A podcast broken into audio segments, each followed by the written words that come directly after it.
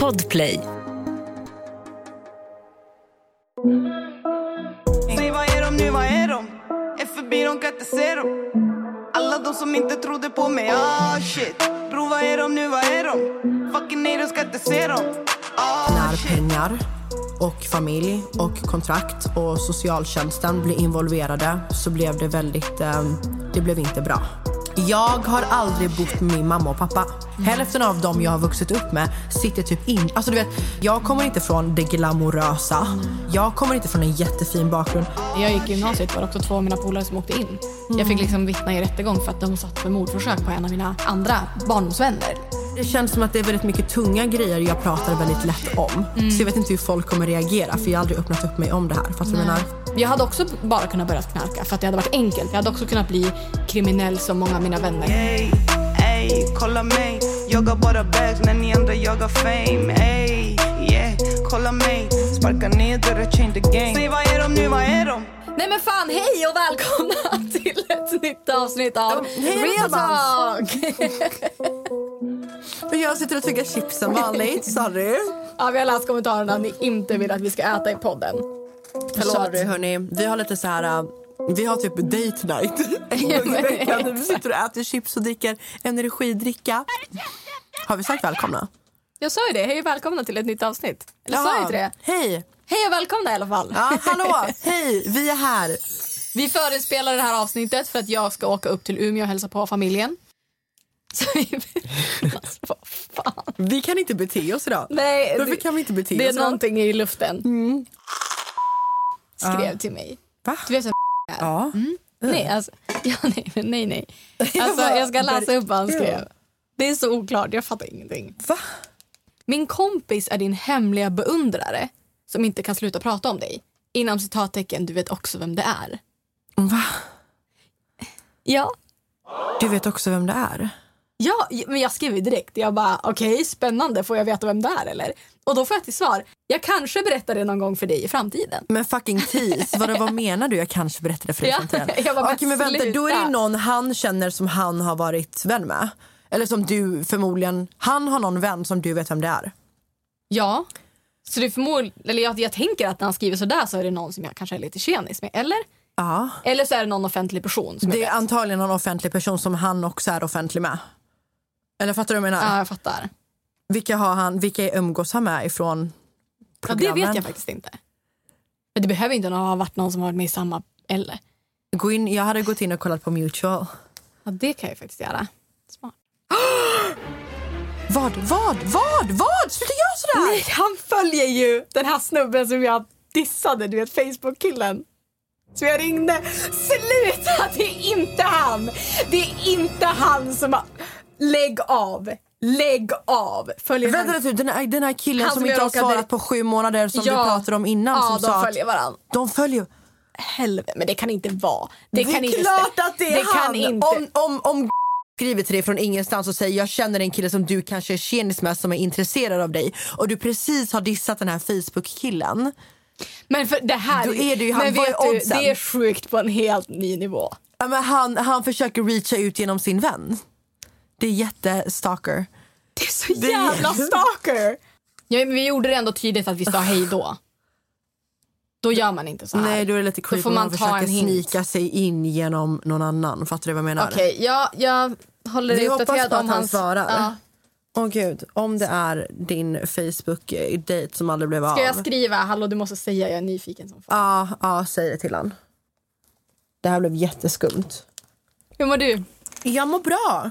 Jag mår bra. Jag har haft lite så här äh, alltså, i, i värmeslag typ. Mm. För att det har varit så jävla varmt de här dagarna. Att jag har blivit trött av värmen typ. Ja, jag fattar. Fattar du vad jag menar? Hur mår du? Nej men jag mår bra. Det gör jag. Va? Varför lät du så osäker? Vet inte. Samtidigt som du kollar upp i taket du bara, det, det gör jag. Ja. Fan. Nej men jag mår bra. Jag, eh, det ska bli kul att åka hem och hälsa på familjen. Det känns som att jag inte träffat dem på ett tag. Mina syskonbarn som är sex har precis tagit... De har gått ut förskolan. Jag tror du skulle säga att du har tagit examen. Nej men de, de har, ja, men det, De har typ- tagit det, det, det är så många som har tagit examen nu så jag är liksom inne i det modet. Men de har liksom gått ut förskolan och ska börja skolan. Det känns helt sjukt. De är med barn. Det känns som att de föddes nyss. Så att det ska bli mysigt och åka upp och hälsa på. Och Hur länge var du borta? Jag vet inte, jag har inte bokat någon hembiljett. Men kanske ja, men en vecka-ish. Ja, fan vad skönt. Ja det känns ändå nice. Jag har inga planer. Bra. Det blir dock alltid så här att jag tänker ah, men jag kommer kunna chilla, göra ingenting. Men sen blir det alltid så här drrrr.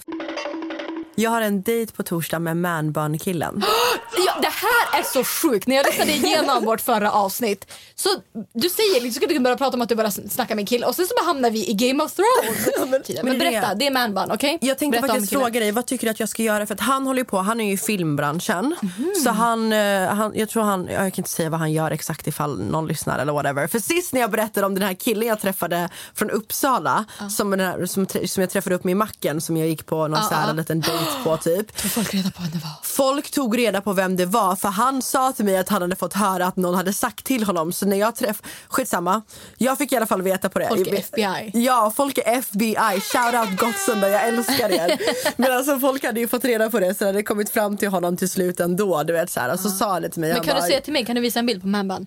Jag kan visa en bild på manban. Eh, men han är jättesöt. Men jag måste bara säga shoutout Gottsunda. Jag var där nu för några dagar sedan nu när vi ändå kommer att prata om den här andra killen som jag träffade från Gottsunda. Eh, de är så jävla underbara där. Alltså jag har aldrig känt mig så trygg någonstans i hela världen som jag gör när jag är i Gottsunda. På riktigt, alltså det är världens finaste, alltså det är fan, bästa människorna. Jag går dit, de har så här eh, Babba-affärer. När jag menar Babba-affärer då menar jag så här eh, det här märket Jack och Jack med persiska fucking saltgurkor direkt importerade från Iran och solrosfrön och Power King. Och jag går alltid in där varje vecka när jag ska hälsa på min familj. Går jag alltid dit och köper så här, de här sol, eh, vad heter det, de här saltgurkorna. Eh, så tappade jag den här burken utanför kiosken. Och du vet, det är alltid så här i, vid centrum. Ja, du, tänk att så här, jag kommer och, och spelar typ Jelassi, Einar, nej nej nej. Det är så här, as, hitta mig i porten, port, port. Alltså kommer värsta hiphop-låten. Och så, så stannar jag bilen och ska gå ut ur den här kiosken. Favoriterna i trakten De höll mig trygg sen på natten min bil stänger ju av och på med en knapp. Och jag glömmer alltid bort att stänga av den här knappen. Jag öppnar bara dörren och går ut för jag är så van vid nyckel du vet. Så Jelassi är ashögt och jag, får, jag skäms så mycket för att det står typ tio killar utanför kiosken. Och du vet alla bara kollar på mig. Jag har på mig värsta sport-bh. Alltså det var så pinsamt. Så jag går in, köper min jävla saltgurka. Jag walk of shame tillbaka till bilen. Tappar burken med saltgurka så den går sönder. Jag tappar mina nötter och allting. Och vet, alla de här, så här tjejerna och killarna bara springer fram och hjälper mig och du vet, så här, fixar. Ja, en annan gång fick jag punka. Det, det var en, det, alltså, folk stannade, på, alltså, stannade sina bilar mitt på gatan för att hjälpa mig. Det hade aldrig hänt i fucking typ eh, fan vet jag, Märsta eller Okej, skitsamma. Jag vet inte vad jag skulle komma fram till. Förlåt. Förlåt. Det här är Tinderkillen. Kolla.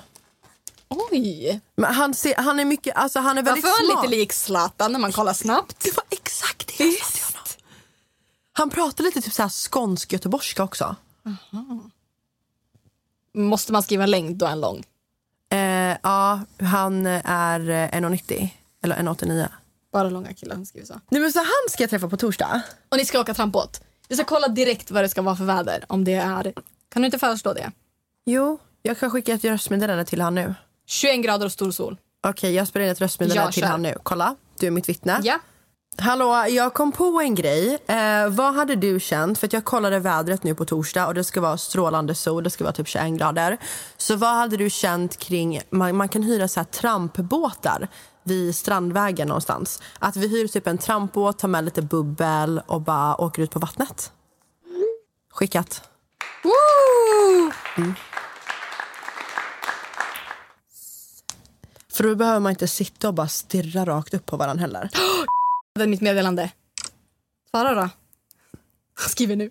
Skriv an! Stäng, stäng, stäng så att... Så att Jag vet hur det är. Ja. Trixet, hörni, ni som lyssnar, är att om ni ser att någon ni vill ha svar, if- ha svar ifrån eller whatever, någon skriver men du inte vill öppna meddelandet direkt, stäng skärmen på telefonen då så att det kommer upp som notiser. Och vill ni ha ett annat tips? Om någon ringer som ni inte vill prata med. Alltså ni råkar svara eller ni svarar och så blir det stelt och ni vill bara lägga på. Ja. Istället för att klicka personen För då ser ju folk att man har klickat eller man hör att man blir klickad. Tryck på flygplansläge för då kommer det stå återansluter. Som att du inte har någon täckning. Eller som att din telefon där. Nej. Vadå återansluter? Alltså om det då kopplas det, samtalet dör bara. Ja. Det blir inte det här... Står det så här call failed? Ja exakt, exakt. Aha. Så det ser ut som att bara samtalet, samtalet avbryts för att man har dålig täckning eller... Smart. Smart. Det That's så ska jag göra med dig. And. Jag skojar, jag skojar. Men gud jag skojar. Nu kommer folk tro att jag var seriös. Jag driver. Jag driver. Det är bara Andy som kommer fatta.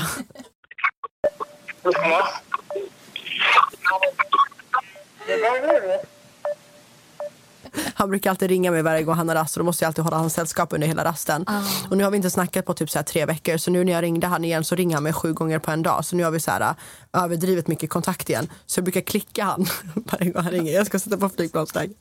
Psych! That's the wrong number! Ja, men jag tänkte så här gumman. Ja. Ska inte vi fixa en varsin dejt till varann? En varsin blind date. Nästa vecka går vi ut på våran Instagram med, nej inte ens en vikarie nu i veckan, när som helst. Vi går ut på våra Instagrams där vi ska fixa en varsin blind date till varandra. Men okej, men vadå så ska vi ha dubbeldate eller ska vi ha, hur ska vi liksom lägga upp ett avsnitt då med, med dates? Är det liksom att ska vi sitta fyra personer här eller ska jag inte vara med? ska du, vi kan ju ska inte podda med dem. Nähä! Nej men vi ska ju inte podda med nej, våran men, dejt. Men det var det, jag, det var det jag trodde att du menade, att vi skulle dejta i podden. Nej, Nej, nej, nej, jaha. nej! Va? Att vi ska sitta fyra personer här och så här, dejta influencer Men vadå? style. Edvin gick ju på dejt i deras podd. Va? Ja, har du inte lyssnat på det? Vem är Edvin? I, ursäkta, Edvin Törnblom. Jaha, va? Ja, I podden? ja!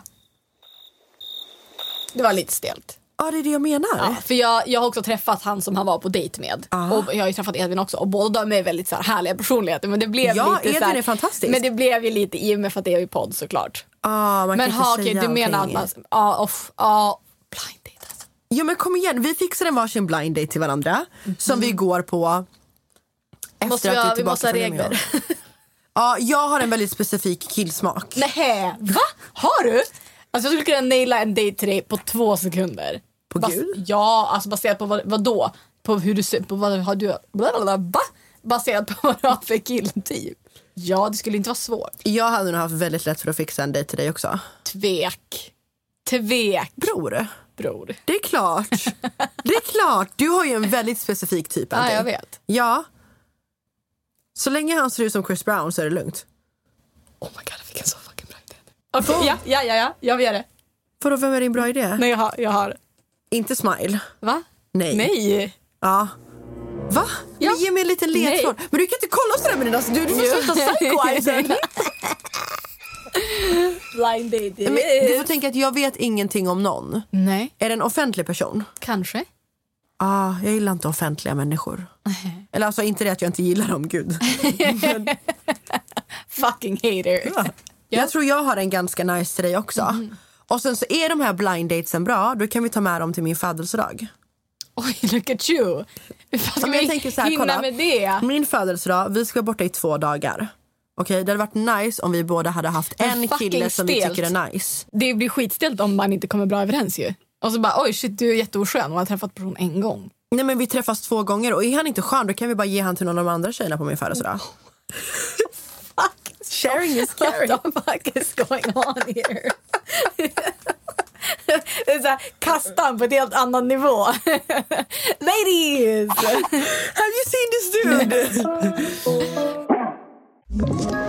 Ett poddtips från Podplay. I fallen jag aldrig glömmer djupdyker Hasse Aro i arbetet bakom några av Sveriges mest uppseendeväckande brottsutredningar. Går vi in med hemlig telefonavlyssning och, och då upplever vi att vi får en total förändring av hans beteende. Vad är det som händer nu? Vem är det som läcker?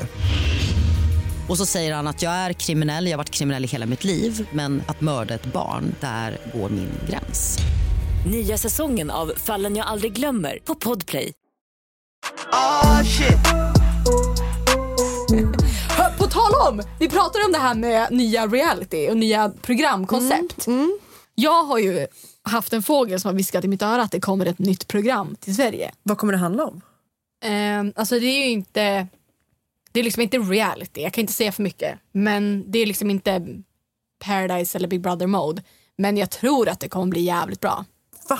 Ja, Jag är så besviken att jag inte fick ett samtal. Jag har ju inga, det är det. jag har inga såna där. Nej. Ja, jag fattar. Fy fan vad retliga vi är nu, folk kommer hata oss. Ja, jag vet, jag vet, jag vet, jag vet, jag vet. Du borde dock. Va?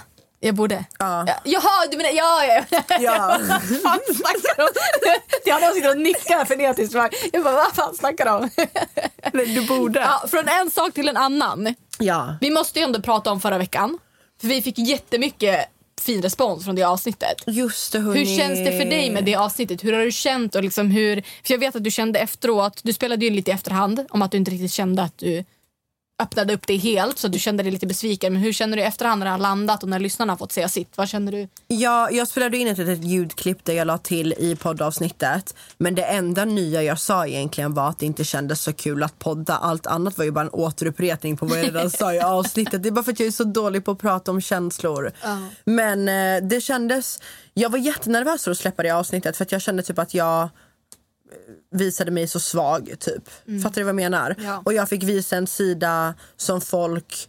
eh, Du vet, Jocke sa det här. Eh, att när man öppnar upp sig om saker och ting då visar man också vart en svagheter ligger. Exakt. Och många vill trycka där bara för att man de kan trycka där, hänger du med?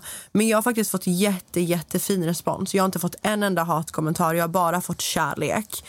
Och jag är så glad för att du sa till mig att jag skulle öppna upp mig och prata lite mer om det. Och det är så fint att se, alltså jag vill bara säga tusen tusen tack till alla er som faktiskt skickade jag fick jättefina meddelanden på Instagram och jag har inte hunnit svara alla. Men det var jättemånga som så här, bara, det känns så skönt att ni kan prata om sånt här. Det gör att vi kan relatera mer till er för att de bara, när vi kollar, många gånger när vi kollar på typ dig och Antonia och många andra i den här branschens Instagram så lägger man oftast bara upp när man är glad och när allting är bra. Hon bara, men nu kan man se att ni inte bara gör roliga grejer utan att ni också mår dåligt, att ni också kan gå igenom saker, att ni också känner känslor, att man kan relatera till er på ett helt annat sätt. Och framförallt fick jag så mycket kärlek ifrån mina OGs som har följt mig sedan mina Facebook live-tider, typ 2015, 16. Alltså det är de människorna. Och bara så här, Diana, vi, vi som har följt dig, kanske, vi vet att du vi vet vem du är. Jag vet inte, det var bara så fint. Det var så fint. Och jag, jag, jag har ju tyvärr varit inne på podcaster igen. Och det finns ju vilka, vissa hatare som bara vill hata. Typ någon som skrev idag bara så här. Diana kan ju inte ens kommunicera, lär dig att prata, du återupprepar allting. Men det är så här, bro, du är här, lyssnar på podden fastän du hatar oss. Det är jättesynd om dig. Som, som går in och kommenterar hat på någon som du lägger en timme i veckan av att lyssna på. Medan det jag vill lyfta är det är så fint för att så många av er som lyssnar som faktiskt är come together. Hänger du med? Som bara så här, skickar kärlek till min Instagram, skickar kärlek till våran podd Instagram och som framför allt du vet skrev fina kommentarer på podcaster. Och jag tycker det är så fint. Jag vill bara säga att ni som lyssnar, det gör jävligt mycket. Ni kanske känner som du sa Antti i förra avsnittet att ens kommentar bara är en i mängden. Men vi läser allt och vi ser allt och vi älskar att ni för det första taggar oss. Taggar poddens Instagram och våra privata Instagrams när ni lyssnar på podden och delar det på eran story. Vi uppskattar all feedback och vi uppskattar all kärlek ni ger. På samma sätt som, som de negativa kommentarerna ibland svider så blir det liksom, de bra blir ändå plåster.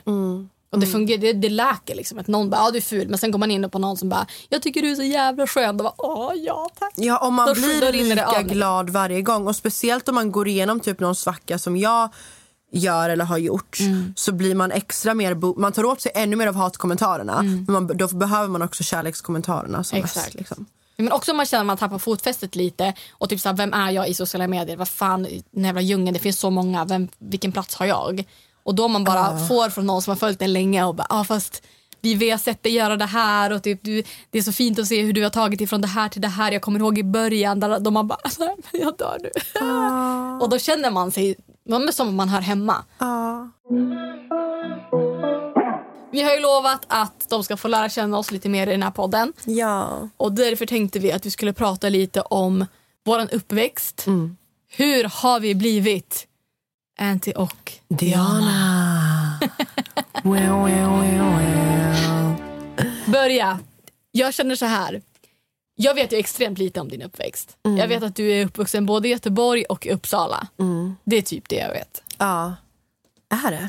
Ja. Ja. Jag har bott i Skövde, jag har bott i Norrköping, jag har bott i Södertälje, Åh jävlar. eh, jag har bott i Borås någon månad. Jag har Okej. flyttat runt jävligt mycket. Sen bodde jag i LA och sen bodde jag i Uppsala igen och sen Stockholm. Det har varit jävligt mycket. Du har ju bott i väldigt många städer också, som många inte vet om. Wow. Nej, jag har väl bott i Umeå, Göteborg, Stockholm. Ja, Men Göteborg är det väl inte så många som vet om? Nej, kanske inte. Men alltså det är också... Jag vet inte om man som det räknas som att jag har bott där. För jag bodde där i fyra månader. Men ändå, lite Ja. halvt. Ja, men kanske. Det var ju också så när jag åkte och var i LA länge. Så var det också jag, jag fick ju säga det som att ja, men jag bor här nu för att jag var där. Och tanken var också att jag skulle vara där längre men sen blev det att jag åkte hem. Men så folk är ju såhär, nej det måste vara under en viss period för att se att du ska bo. Men ja, tanken var ju att jag skulle bo i Göteborg. Ja, men gud, ofta det finns en regel bara. Nej, jag vet, men Yes. Folk och deras åsikter. Ja, men hjälp. kan du inte börja, vars är du? Du är född i... Eh, jag är född i, på Akademiska Ja. i, i Uppsala.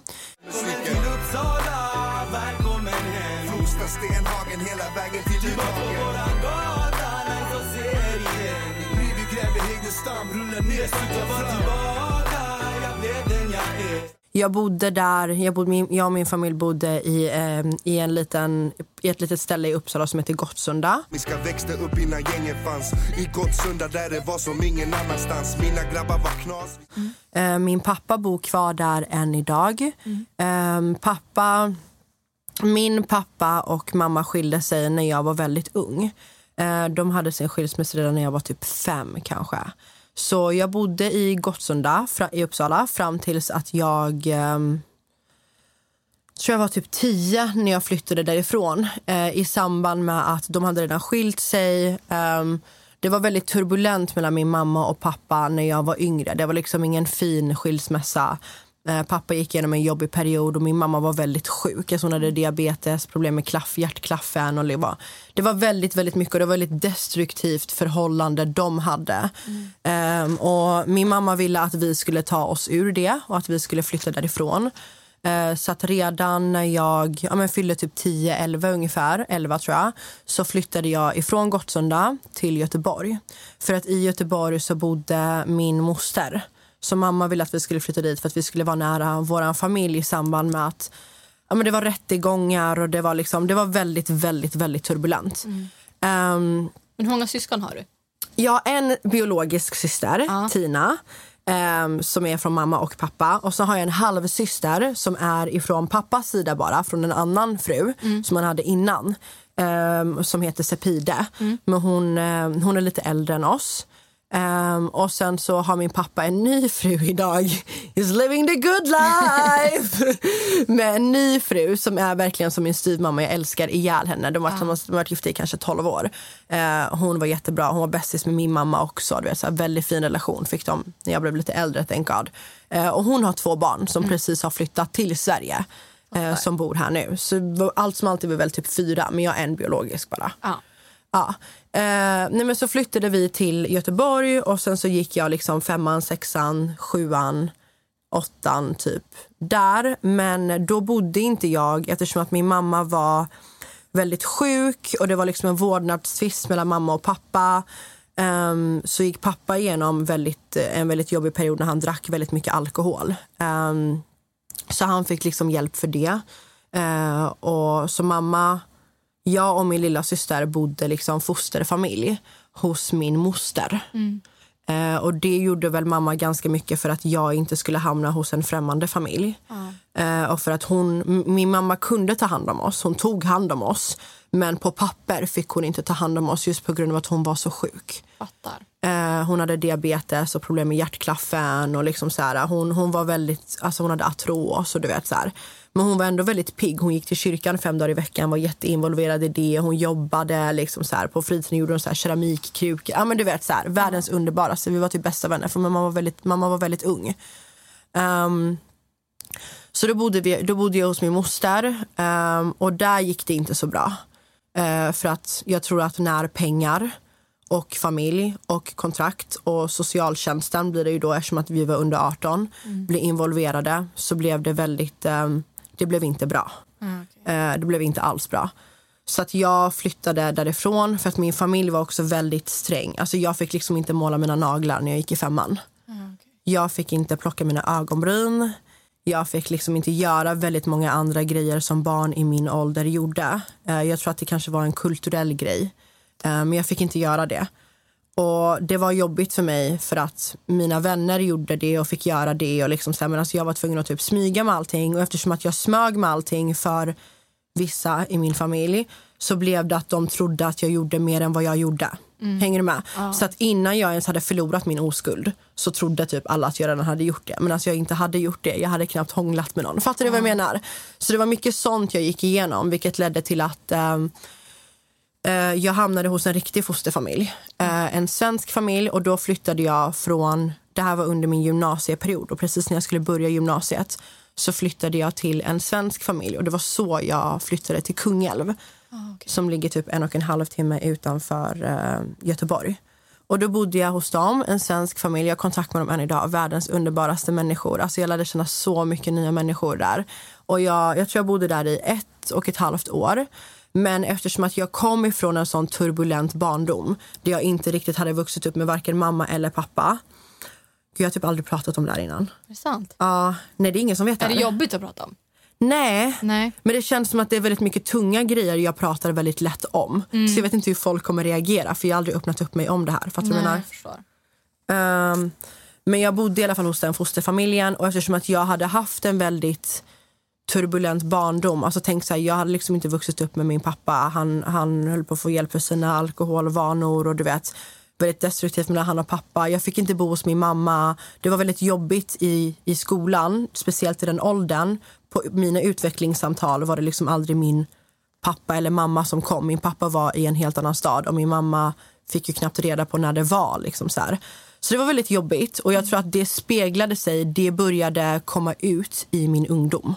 Så att när jag väl började gå i gymnasiet och flyttade till den här fosterfamiljen då som bodde utanför Kungälv. Eh, jag var faktiskt granne med Björn Gustafsson på den tiden han blommade ut. Det var jättekul, vi skröt alltid om det i gymnasiet. Eh, nej men då, det var i samband med kungen av Tylösand och du vet allt det här kommer jag ihåg. För att en av de killarna gick jag i gymnasiet med. Ehm, så då började jag bli väldigt utåtagerande på så sätt att jag, jag tog aldrig några droger. Jag var väldigt skötsam på det sättet. Jag skötte alltid typ, jag skötte alltid skolan. Men jag, eh, ja, men i Göteborg, de har ett ställe som heter Slottsskogen som ni kanske vet om. Jag var alltid där och typ söp och typ så här, försökte få utlopp på något sätt. Jag ville göra väldigt mycket som ungdomarna i min, i min ålder gjorde i Göteborg.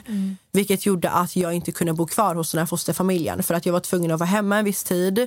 Men om jag skulle lämna Göteborg klockan jag skulle vara hemma i Kungälv klockan 10 då var jag tvungen att åka från Göteborg vid sju.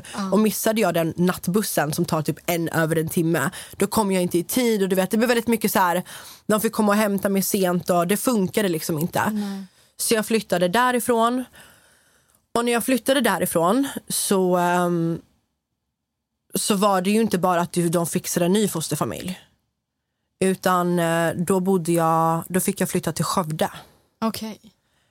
Så ehm, då flyttade jag till, um, till Skövde och det var så jag hamnade där.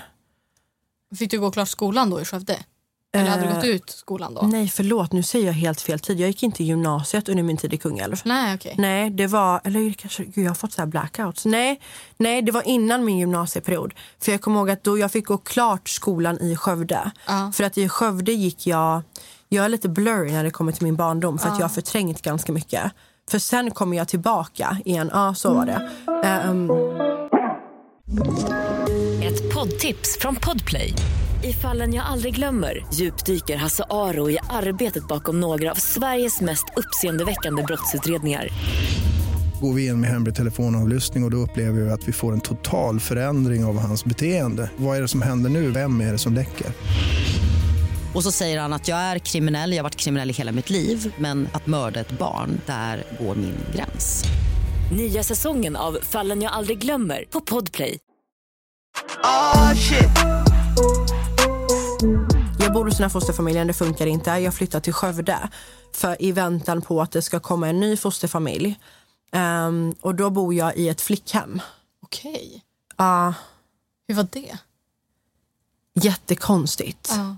För åttan och nian gick jag i Skövde på Helenaskolan. Ja. Eh, och det var jätteskumt. För att så här, jag hade bott i Göteborg, jag kom från Uppsala. Men på grund av saker jag inte hade gjort var jag tvungen att flytta till Kungälv.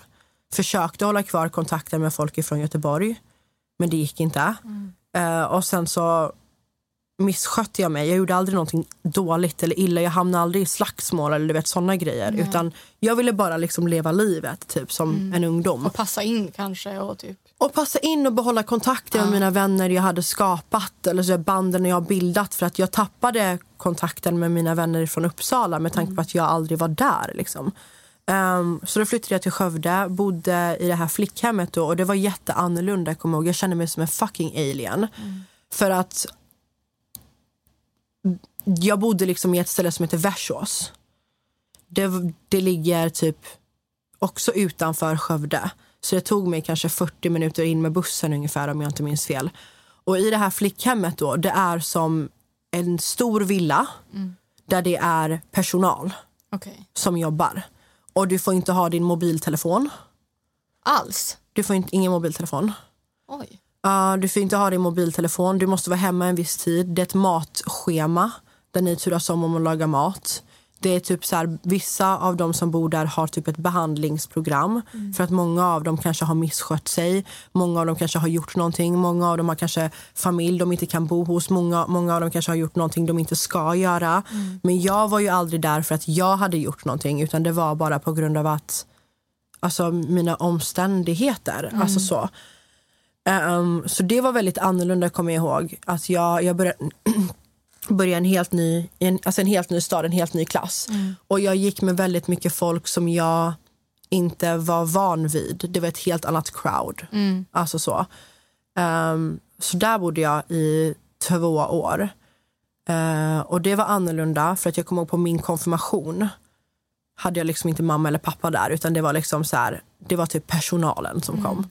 Och när vi hade så utvecklingssamtal då var det så här personal som kom. Och det var jättekonstigt att förklara för mina vänner i skolan också så här, varför bor du här? Vart är din familj? Alltså fattar du? Uh, men under hela den här tiden hade jag väldigt bra kontakt med min mamma men hon kunde liksom inte göra någonting. Och det är någonting jag vill gå in på i ett avsnitt också.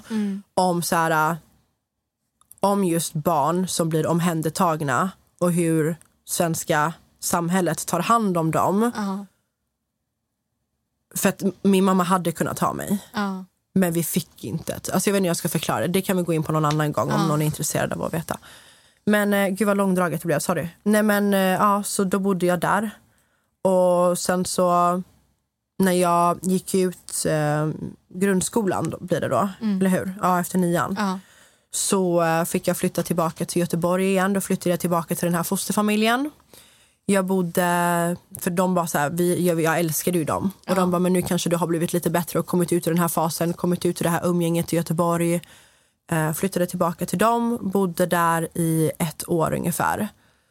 Eh, men det funkade liksom inte. Jag var inte där mentalt. Jag tror att när jag kom tillbaka dit igen så var jag så traumatiserad från att du vet så här Uppsala, Göteborg, Kungälv, Göteborg, Kungälv, Skövde, Kungälv, Göteborg. Du vet, och då började jag gymnasiet. Och i den här åldern det är då folk börjar prova på grejer och göra saker. och du vet så. Ehm, så det gick liksom inte. Och jag hamnade i jourfamilj där jag typ försökte ta mitt liv. Oj. Ja, alltså jag har varit en turbulent barndom. Ja. så det har varit så här, ja. Till slut när jag fyllde 16, eller 17 kanske jag var 17, ehm, då hade vi möte med socialtjänsten. Och jag pratade allvar med dem om hur jag mådde. Jag bara, men hörni, fast nu har ni flyttat runt på mig genom halva Sverige. Jag har haft fucking turné. Men jag har aldrig gjort någonting fel. Jag har aldrig brutit mot någon lag, jag har aldrig gjort någonting. Så jag var faktiskt en av de första i Sverige som fick min egna lägenhet, alltså ett första, förstahandskontrakt i typ 16 eller 17 års åldern. Ehm, och då hade jag att det var så här, en gång i veckan kom de och typ kollade till mig, hjälpte mig hur jag skulle göra med så här bank-id. Då hade man bankdosa, det fanns inte Ja. bank-id och sånt då. Eh, hjälpte mig typ med allt sånt och typ kickade igång mig. Mm. Och jag började jobba typ vid 18 års ålder. Eh, och då var den här lägenheten i Göteborg. Ja. Så då bodde jag i Göteborg fram tills att jag fyllde typ eh, 21. Ja. Eh, eller ja, 21. Och då flyttade jag till LA. Men gud, ja, det kändes som att vi bara så här dum, bum, bum, fast det var så jävla tunga grejer. Man kan inte bara speed through all of that. Ja. Okej, men Jag vill ju låta dig berätta också. Det var därför jag Ja, försökte här, dra igenom det absolut. lite Jag snabbt. fattar. Men vad, ja, okej, vad sjukt. Men det känns som att vi kanske ändå inte bara ska speed through. Nej. Alltså, men vad, alltså, Ja. vad, det känns, ja, det, Jag har aldrig berättat det här. Nej. Det är Shit. många av mina vänner som jag har idag som inte vet om det här heller. Är det sant? Varför det? Mm, för att jag vet liksom inte vart börjar man. Nej. För jag är ju väldigt öppen och ärlig med att prata om det. Mm. Ehm, jag känner att jag har bearbetat väldigt mycket just efter att mamma gick bort. Mm. Eh, Hur gammal var du när hon gick bort? min mamma gick bort 2015. Ja. Eh, hur gammal var jag då? Det var sex år sedan typ. Ja. Jag var kanske 23, Ja. 22, 22 när min mamma, 21, 22 när min mamma gick bort. Ja. Så efter det, i samband med att min, så när jag flyttade till Göteborg eh, så hade jag min lägenhet där. Eh, Jag var tillsammans med en kille i typ två år. Det var väldigt destruktivt. Alltså väldigt destruktivt. Och det var för att jag bara mest var i ett förhållande för att ha typ någon slags trygghet. Ehm, och då gjorde vi, vi gjorde slut. Eh, vi är bästa vänner idag. Eh, men strax efter honom så ville jag ha typ en rebound. Och det var då jag träffade typ min första riktiga kärlek. Eh, vi jobbade på olika nattklubbar runt om i hela Sverige. Jag var liksom så här, jag var senior promoter. Så jag tog hand om ja, men Port Soleil, Park Lane, eh, um, Bershoa, alltså alla de här nattklubbarna, fan till och med i Stockholm, i Skåne, alltså Norge bokade jag alla värdinnor och han var regionschef. Så vi blev kära. ehm, så han flyttade från Örebro till Göteborg och bodde med mig. Eh, och sen så köpte vi en 7-Eleven och vi flyttade tillsammans då Mm. till Stockholm. Okej. Och han var väldigt sjuk. Han, hade, han, eh, han hade en psykisk eh, grej. Ah, okej.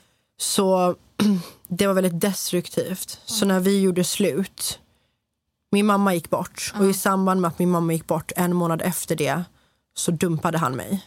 På grund av hur han hade behandlat mig. Ah, Ehm, så då gjorde vi slut. Eller han gjorde slut med mig, jag ville inte. nej. Men han, på grund av hur han hade varit och vad jag gick igenom så gjorde han slut. Vilket är helt sjukt när jag tänker efter nu för det var bara en månad efter mammas bortgång. Ah.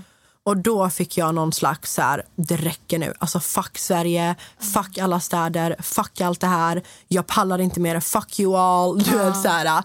Och bara, för att det var många av mina barndoms, eller barndoms, jag vet inte, mina, många av mina barndomsvänner i Göteborg som behövde jobb på den tiden, du vet efter gymnasiet.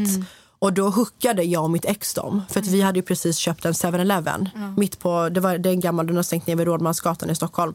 Ehm, så då hookade vi dem och bara kom, du vet bjöd över två stycken och bara kom och jobba hos oss, bo hos oss. Och en av de här äh, blev kär i mitt ex. Så jag kunde typ vakna fem på morgonen av att han var ute med mitt ex och du vet så här äh, typ tog han i hand. Ja, det var bara så här konstigt, du vet. Så att i, i samband med att mitt ex dumpade mig så gick mina barndomsvänner till mitt ex. De tog hans parti. Vad Fattar du? Ja, gud. Så Fan. i samband med det jag bara fuck det här och så flyttade jag bara till, till LA. Men kände du då att du lite, alltså, be- bearbetade det som hade hänt eller kände du att du bara flydde ifrån det? Alltså, om du kollar tillbaka nu, känner du att du har liksom, bearbetat det eller kände du att du bara lämnade det i Sverige och drog? Och att det kanske ändå finns kvar lite att bearbeta där? Jag tror att det... För att jag har ju pratat med det här exet. Jag har ju väldigt bra kontakt med alla mina ex. Just på grund av att så här, vi aldrig liksom... Ja, vi, jag är väldigt bra vän med mina ex. Ja. Ehm, och jag har pratat med honom om det. Ja. Och han har ju bett om ursäkt för det och allt det här. Men jag tror att så här, breakupet med mina vänner var jobbigare än breakupet med honom. på grund av sveket. Och jag tror att jag har inte bearbetat det som du säger. Det, är därför jag har, det är därför jag idag har så lätt för att bryta kontakten med folk. Ja. Och det är just på grund av att jag har flyttat så mycket. Du vet från Uppsala till Göteborg till det här till det här. Och emellan som jag inte har berättat nu har jag bott på, hos jourfamiljer. Och de här jourfamiljerna, Sveriges, Sveriges socialtjänst och system att ta hand om ungdomar eller barn när de hamnar i det här systemet. Det är fucked up Anty. Alltså du vet jag kunde hamna hos en jourfamilj i väntan på att jag skulle komma till min fosterfamilj. Bod, bodde jag hos en jourfamilj. Under de här fyra veckorna jag skulle vara hos min jourfamilj tog de semester. Vilket innebär att de tog semester ifrån mig också. Det jag hamnade hos en annan jour, jourfamilj i Norrköping. Alltså du vet, det är så här sjuka grejer. Men det kan vi gå in på någon annan gång. Men eh, ja. Men, jag känner, har, men känner du nu att du har liksom... Eller har du någonsin pratat med någon... Du har, nej, det har du. Du har inte varit hos psykolog innan. Har ni pratat någonting om det här? Alltså, du, har psykolog- har du varit hos psykolog mer efter att du var, hade det där på... Nej hon var sjuk så hon avbokade. Det ser jag. Men känner du själv att det här är någonting... För att jag förstår som du säger att du har lätt att prata om det. Men det är en sak att berätta så här, som du gör nu lite i en, alltså en timeline. Alltså så här har det varit. Men för du, du, känn, du känns ju inte jätte emotionellt liksom, kopplad till det när du säger det. För det är bara, du berättar något som att det är ingenting. Men är det för att det är enklare för att du kanske inte har för du vet kanske inte vad som skulle hända om du pratar om det mer och pratar om hur du har känt under den här perioden. Ja. Förstår du vad jag menar? Att, så här, att det är enkelt och det här har jag varit med om men det låter lite som att du lika gärna kunde, skulle ha berättat om det som att det var jag. Ja. Alltså, Jag gör det. Nej, men, ja, Ja jag gör det. jag, jag tror inte att jag har träffat någon som har gått igenom så många alltså, tuffa grejer och såna, alltså, det är ändå trauman som du har varit med om. Och bara berättar om så här, ah, men det här, det här, det här, det här, det här. Och bara så här, jag fattar att man, ja. Ja. Jag tror att det är min försvarsmekanism lite grann. Att, så här, äh, att, jag, äh, att jag pratar om det så. Jag tror att också att det är därför som jag har väldigt svårt att prata om känslor. Och det är just därför typ när det här med PH händer och folk så kallar mig offerkofta. Att jag blir så här, "But bitch, I can't even talk about my feelings. Så kallar, fattar du vad jag menar? Eh, men jag tror också att det speglar sig väldigt mycket i hur jag är idag. Att jag är väldigt mycket sen när det händer tuffa grejer att jag försöker typ borsta av mig det. Eh, men jag vet inte om jag, jag känner ju att jag har bearbetat det. Men kanske inte ordentligt. Nej. Men hur gör man det? Prata om det. Ja. Det är ju alltså för att jag förstår att man säger ju ofta att man måste öppna upp sig och prata om saker man har varit med om för att andra ska förstå en. Men jag tänker också kanske i det här fallet att du måste prata om det och gräva i det för att du ska förstå dig själv i vissa situationer. Ja, det är nog sant. 100 procent. Men jag tror också att det är för att så här, jag har aldrig bott med min mamma och pappa. Nej. Jag kommer inte ihåg för att min mamma och pappa de skilde sig på papper när jag var, jag tror, att, jag, tror jag var typ sex. Men de har ju aldrig liksom så här, hållit varandra i handen och du, så här, na, na, na, du vet. Förrän typ, eh, aldrig liksom.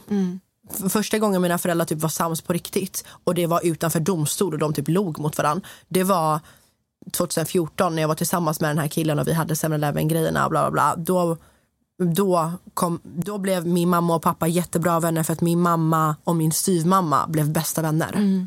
Och då blev också, då, kom, då kunde mamma komma och sova hos pappa. Jätteskumt men de tre blev typ bästa vänner och vi kunde gå ut och shoppa och det, så jag och mitt ex bara stod där och bara det här är så skumt du vet. Men så, så jag, det här det är ju min, jag vet inget annat. Nej. Fattar du? Ja, nej, jag förstår såklart. Ja. Men, men det känns ändå som att det är väldigt mycket som har, alltså det är klart att alla har sin historia och sina trauman men att det kanske är mycket att bära i en, att ryggsäcken kanske börjar bli jävligt tung för dig. Ja. Och jag förstår som du säger när folk säger att, ja, men du, att du tar hårt på att folk säger att du har en offerkofta över små saker när du vet att du kanske skulle kunna ha, alltså om folk bara visste vad du har gått igenom och hur jobbigt, alltså jobbiga saker du har gått igenom, då bara fuck you, ni vet ingenting. Ja, alltså det är, så här, det är därför jag också typ, exakt som du säger. Mm. När folk säger så här, ah, men det är så, du, du, försöker, du, du har så lätt för att bryta kontakten, vet, de ska sätta typ någon diagnos på henne. Du vet, så här, det, Diana vill att folk ska tycka synd, hon vill bara ha uppmärksamhet. Det är så här, Fast om jag hade velat ha det, Mm. Ja. då hade jag tyckt synd om mig själv när jag satt ensam på Lilla Torg i Göteborg. Det, det är ett behandlingshem Mm. där du sitter med typ så här, någon är 30, någon är typ 25, någon är 18. Mm. Och du vet så här, jag, det är så sjuka grejer. Jag kommer ihåg en gång på när jag bodde i det här typ behandlingshemmet i väntan på en fosterfamilj. Eh, jag, jag var jätteliten. Jag kommer ihåg du fick jobba för att få 20 kronor typ i veckopeng. Alltså det var, det var sjukt. Jag hade så här permission där du fick så gå ut typ och du fick bara gå ut och promenera med personal och du vet så här. Och jag hade inte gjort någonting. Jag hade aldrig, jag aldrig brutit mot någon lag. Alltså aldrig. Jag har aldrig ens du vet snattat typ. Jag, jag så snattade en guldchokladringstia när jag var liten. Jag har aldrig du vet, så här, varit en sån som har tagit drog. Alltså, jag har aldrig gjort någonting olagligt men ändå hamnat i såna här situationer. Vad var det jag skulle komma fram till? Att så här, ja, skulle jag försöka bygga någon snyfthistoria eller du vet, så här, vill jag ha uppmärksamhet för någonting då hade jag velat få det där och då. Eller du vet nu genom att ta upp de här grejerna. Fattar du vad jag menar? ja. Då hade jag tyckt synd om mig själv när jag satt som typ 13-åring på ett behandlingshem. Med folk som typ så här, tog droger, smugglade in droger och ville få mig att ta typ ketamin. Två på natten. Alltså, Men vet, där är också så här, för det så har du ju rätt att tycka synd om dig själv. Ett poddtips från Podplay. I fallen jag aldrig glömmer djupdyker Hasse Aro i arbetet bakom några av Sveriges mest uppseendeväckande brottsutredningar. Går vi in med hemlig telefonavlyssning och, och då upplever vi att vi får en total förändring av hans beteende. Vad är det som händer nu? Vem är det som läcker? Och så säger han att jag är kriminell, jag har varit kriminell i hela mitt liv men att mörda ett barn, där går min gräns. Nya säsongen av Fallen jag aldrig glömmer på Podplay. Oh shit. Alltså det var ju synd om lilla Diana då. ja, Alltså men- det är klart att det har varit synd om dig. Och det kan ju ingen ta ifrån dig. Och det betyder inte att du... Alltså, det behöver inte mer betyda att du tycker synd om dig själv nu. Men att tycka synd om sig själv för saker man har gått igenom eller tycka att det är jobbigt eller tänka så här, jävlar vad tufft det var. Det är inte att du sitter och är offerkofta eller vill att folk ska beha- behandla dig på ett annat sätt för att du har gått igenom tuffa saker. Men det gör ju att folk får förståelse. Alltså bara att du berättar det för mig nu gör ju så här bara, ah shit, okej. Alltså, då kanske så här, så, saker som nu alltså, som sagt, det kanske kommer dyka upp saker då vi hamnar i situationer där jag kommer bara, okej, jag kommer kanske kunna förstå det med tanke på vad jag vet nu. Alltså det här vet ju liksom inte ens Natta eller Amelia eller du vet ingen av dem vet ju det här. Men det är också för att säga jag kommer ju inte, det är ju inte någonting man bara pratar om när man sitter på Josefinas och tar ett glas bubbel. Nej, såklart. Nej, men så Hänger är det. Jag, det är jag helt med dig i, att det, att det är svårt kanske, man kommer inte in så enkelt på, på det här. Men, men det kanske ändå är, fast jag tror ändå att det är viktigt för folk att veta sådana saker. Och ni kan, alltså, du kanske ska ta upp det. För att, för att det är också, många gånger så baseras ju relationer på att så, ah, vi har så jävla kul och vi tar shots på, ja, men som du säger, på Josefinas eller på, sitter på Yellow och tar liksom en shotbricka. Men, men det är ju inte de grejerna heller som gör att folk dyker upp hemma hos en klockan fyra på natten om man inte må, när, när, när man mår skit.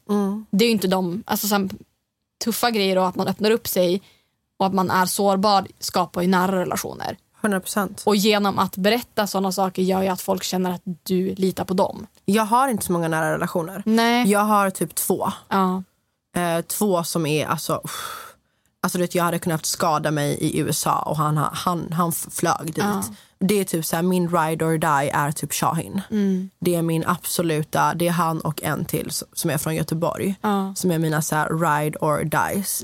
Men jag menar inte att mina andra vänner inte är så, men jag har inte känt alla andra tillräckligt mycket för att kunna släppa in dem på det planet. Och jag känner också att så här, äh, många som vi pratar om, att man har vänner för olika, alltså så här, jag vet inte. Men jag tycker heller inte synd om mig själv för att det är så här, jag kan gå igenom väldigt, alltså det har gjort att jag har, alltså min story är så fucking deep. Med? Jag har gått igenom så mycket. Jag vet inte ens vart jag ska börja, alltså jag berättade typ 2% nu. Ja. Eh, men det gör också att så här, hade, när jag gick igenom den här hatstormen efter det här med Josie PH. Jag, jag låg i sängen men någon annan hade förmodligen hamnat på Sankt Görans akutpsykiatri med allt man fick. Hänger du med? Så jag tror att jag tar på saker och ting lättare men det har också satt upp någon barriär för mig där så här, if you do me wrong jag kommer bara klippa med dig ut ur mitt liv. För att jag har inte tid för bullshit. Nej, jag förstår. Förstår du vad jag menar? Men det gör ju inte att det blir mindre jobbigt bara för att det är... Eller att det gör mindre ont bara för att det är enkelt, Nej. tänker jag. Framförallt om man kommer från en, eh, alltså, en bakgrund av att känna sig, eller har känt sig lämnad eller har känt sig övergiven eller känt sig ensam. så tror jag inte att det hjälper bara för att man så här, det, Jag tror inte att sorg blir enklare för att man har gått igenom mycket sorg. Till Nej. exempel. Nej, det lät typ så på mig. Ja, faktiskt lite. Ja.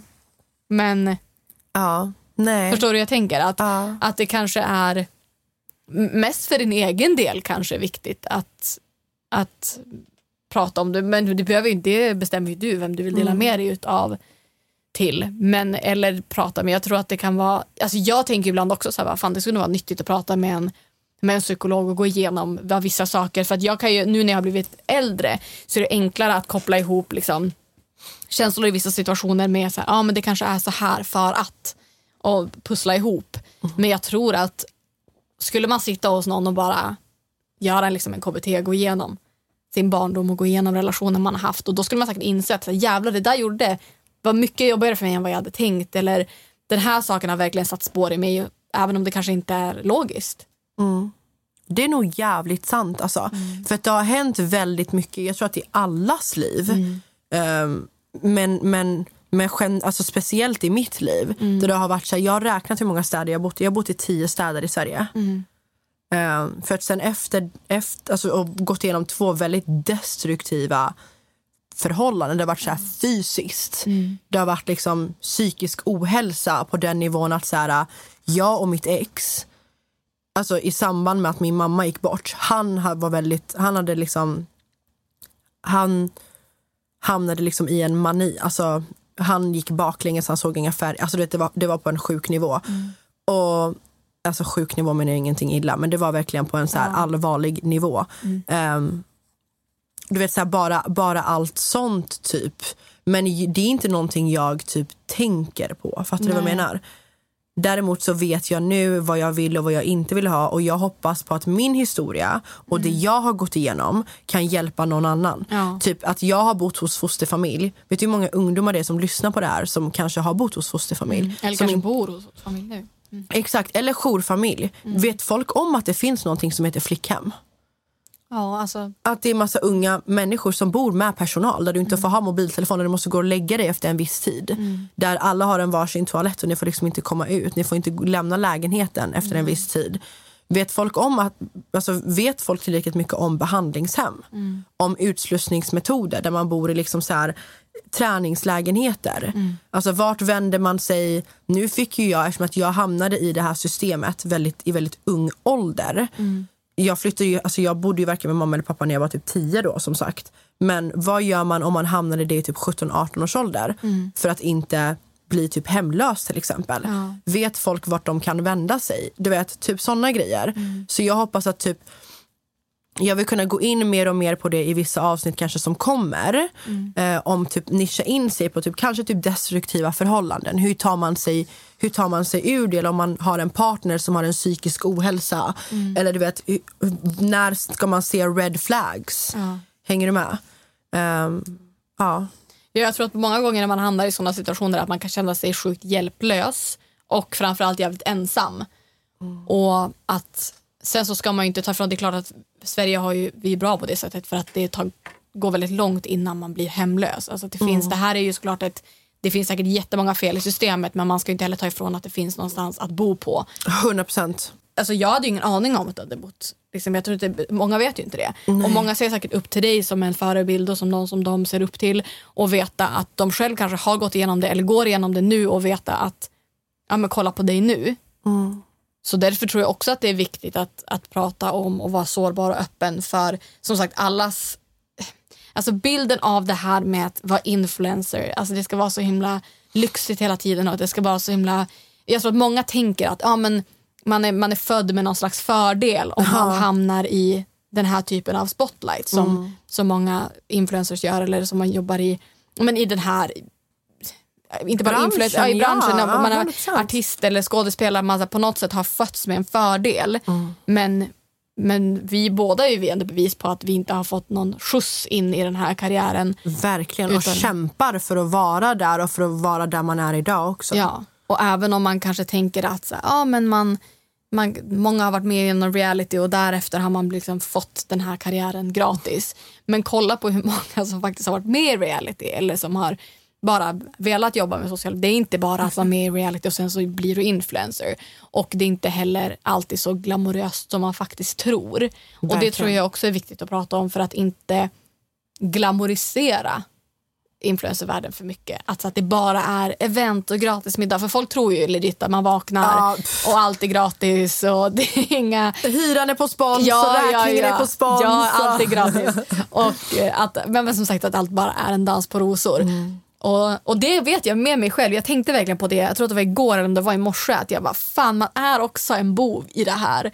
Att inte prata om det mer utan bara visa upp det här som är nice och att man ibland verkligen också är en, ja, men en slav under hur det ska vara Mm. i influencervärlden. Hur, ja, men alltså, att, det, att man, bara, man bara är liksom en, en maskin som bara får det att se bra ut. Mm. Och, men det är lite som du sa innan, hur, fan, hur hamnar man i den diskussionen? Hur, hur öppnar man upp sig om det? Hur, Ja, börjar man, vart hur börjar startar man? man, konversationen till det? Ja. Och det här är ju absolut ett steg i rätt riktning men man, man känner sig också lite så här Just, det är bara du och jag som sitter här, vi vet inte vad de som lyssnar tänker, vad har de för frågeställningar nu? Vad vill de fråga? Ja, vad vill de veta? Ja, ibland hade man velat bara ha dem live här så de kunde ställa alla frågor så man bara säger jaha ni vill veta det, okej. Ja, ja. Och, och det är klart att man kan återbesöka ämnen men eh, där, där Men det är så sant det du säger för att så här, jag kommer från Gottsunda, sen därefter bodde jag i Biskopsgården. Alltså snälla i Biskop, alltså en av killarna jag var kär i åkte typ dit för mordförsök och försvann och du vet helt plötsligt var han borta, en annan åkte in.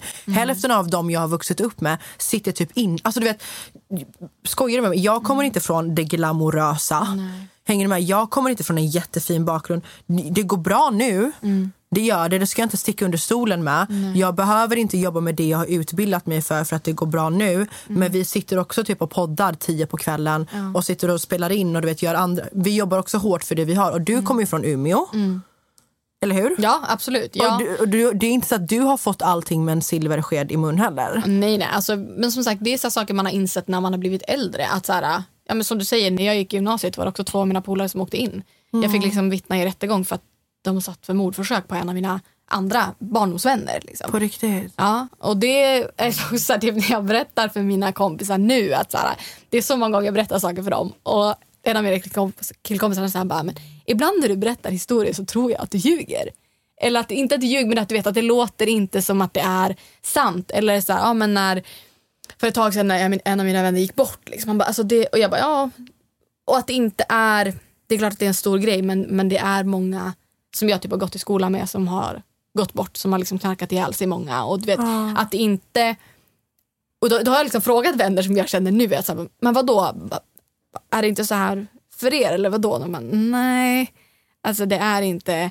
Och det handlar ju om var man kommer ifrån och vad man har haft för umgängeskrets. Och, alltså jag har Nej, men en av mina liksom, bästa vänner när jag växte upp, båda hennes föräldrar har gått bort på grund av droger. Och det är inte heller, alltså, så här, jag menar jag hade också kunnat bo kvar i Umeå eller det, jag menar inte att jag hade hållit på med droger bara för att jag hade bott kvar i Umeå men, men droger har varit väldigt, en väldigt stor del av många som jag har hängt med har hållit på med droger, det har funnits ganska lättillgängligt och hade jag inte jag hade också bara kunnat börja knarka för att det hade varit enkelt. Det hade, det har alltid varit lättillgängligt med droger. Eh, och jag hade kunnat börja dricka, jag hade kunnat börja slåss. Jag hade också kunnat bli kriminell som många av mina vänner har. Många av mina vänner kanske inte ska säga, men bekanta. Det har inte varit långt bort. Nej. Hej hörni, stopp lite här. vi känner att vi har så mycket att prata om. Det blir bättre och bättre, vi kommer in på djupare och djupare ämnen. Så vi känner att istället för att bara klippa här så gör vi ett bonusavsnitt. Så att på tisdag får ni alltså del två av detta grymma avsnitt. Så håll utkik. Tro mig, ni vill inte missa detta. Tills dess, glöm inte att följa oss på våra sociala medier. Anty, Diana Moseni heter jag och våran podds Instagram är. Anty och Diana!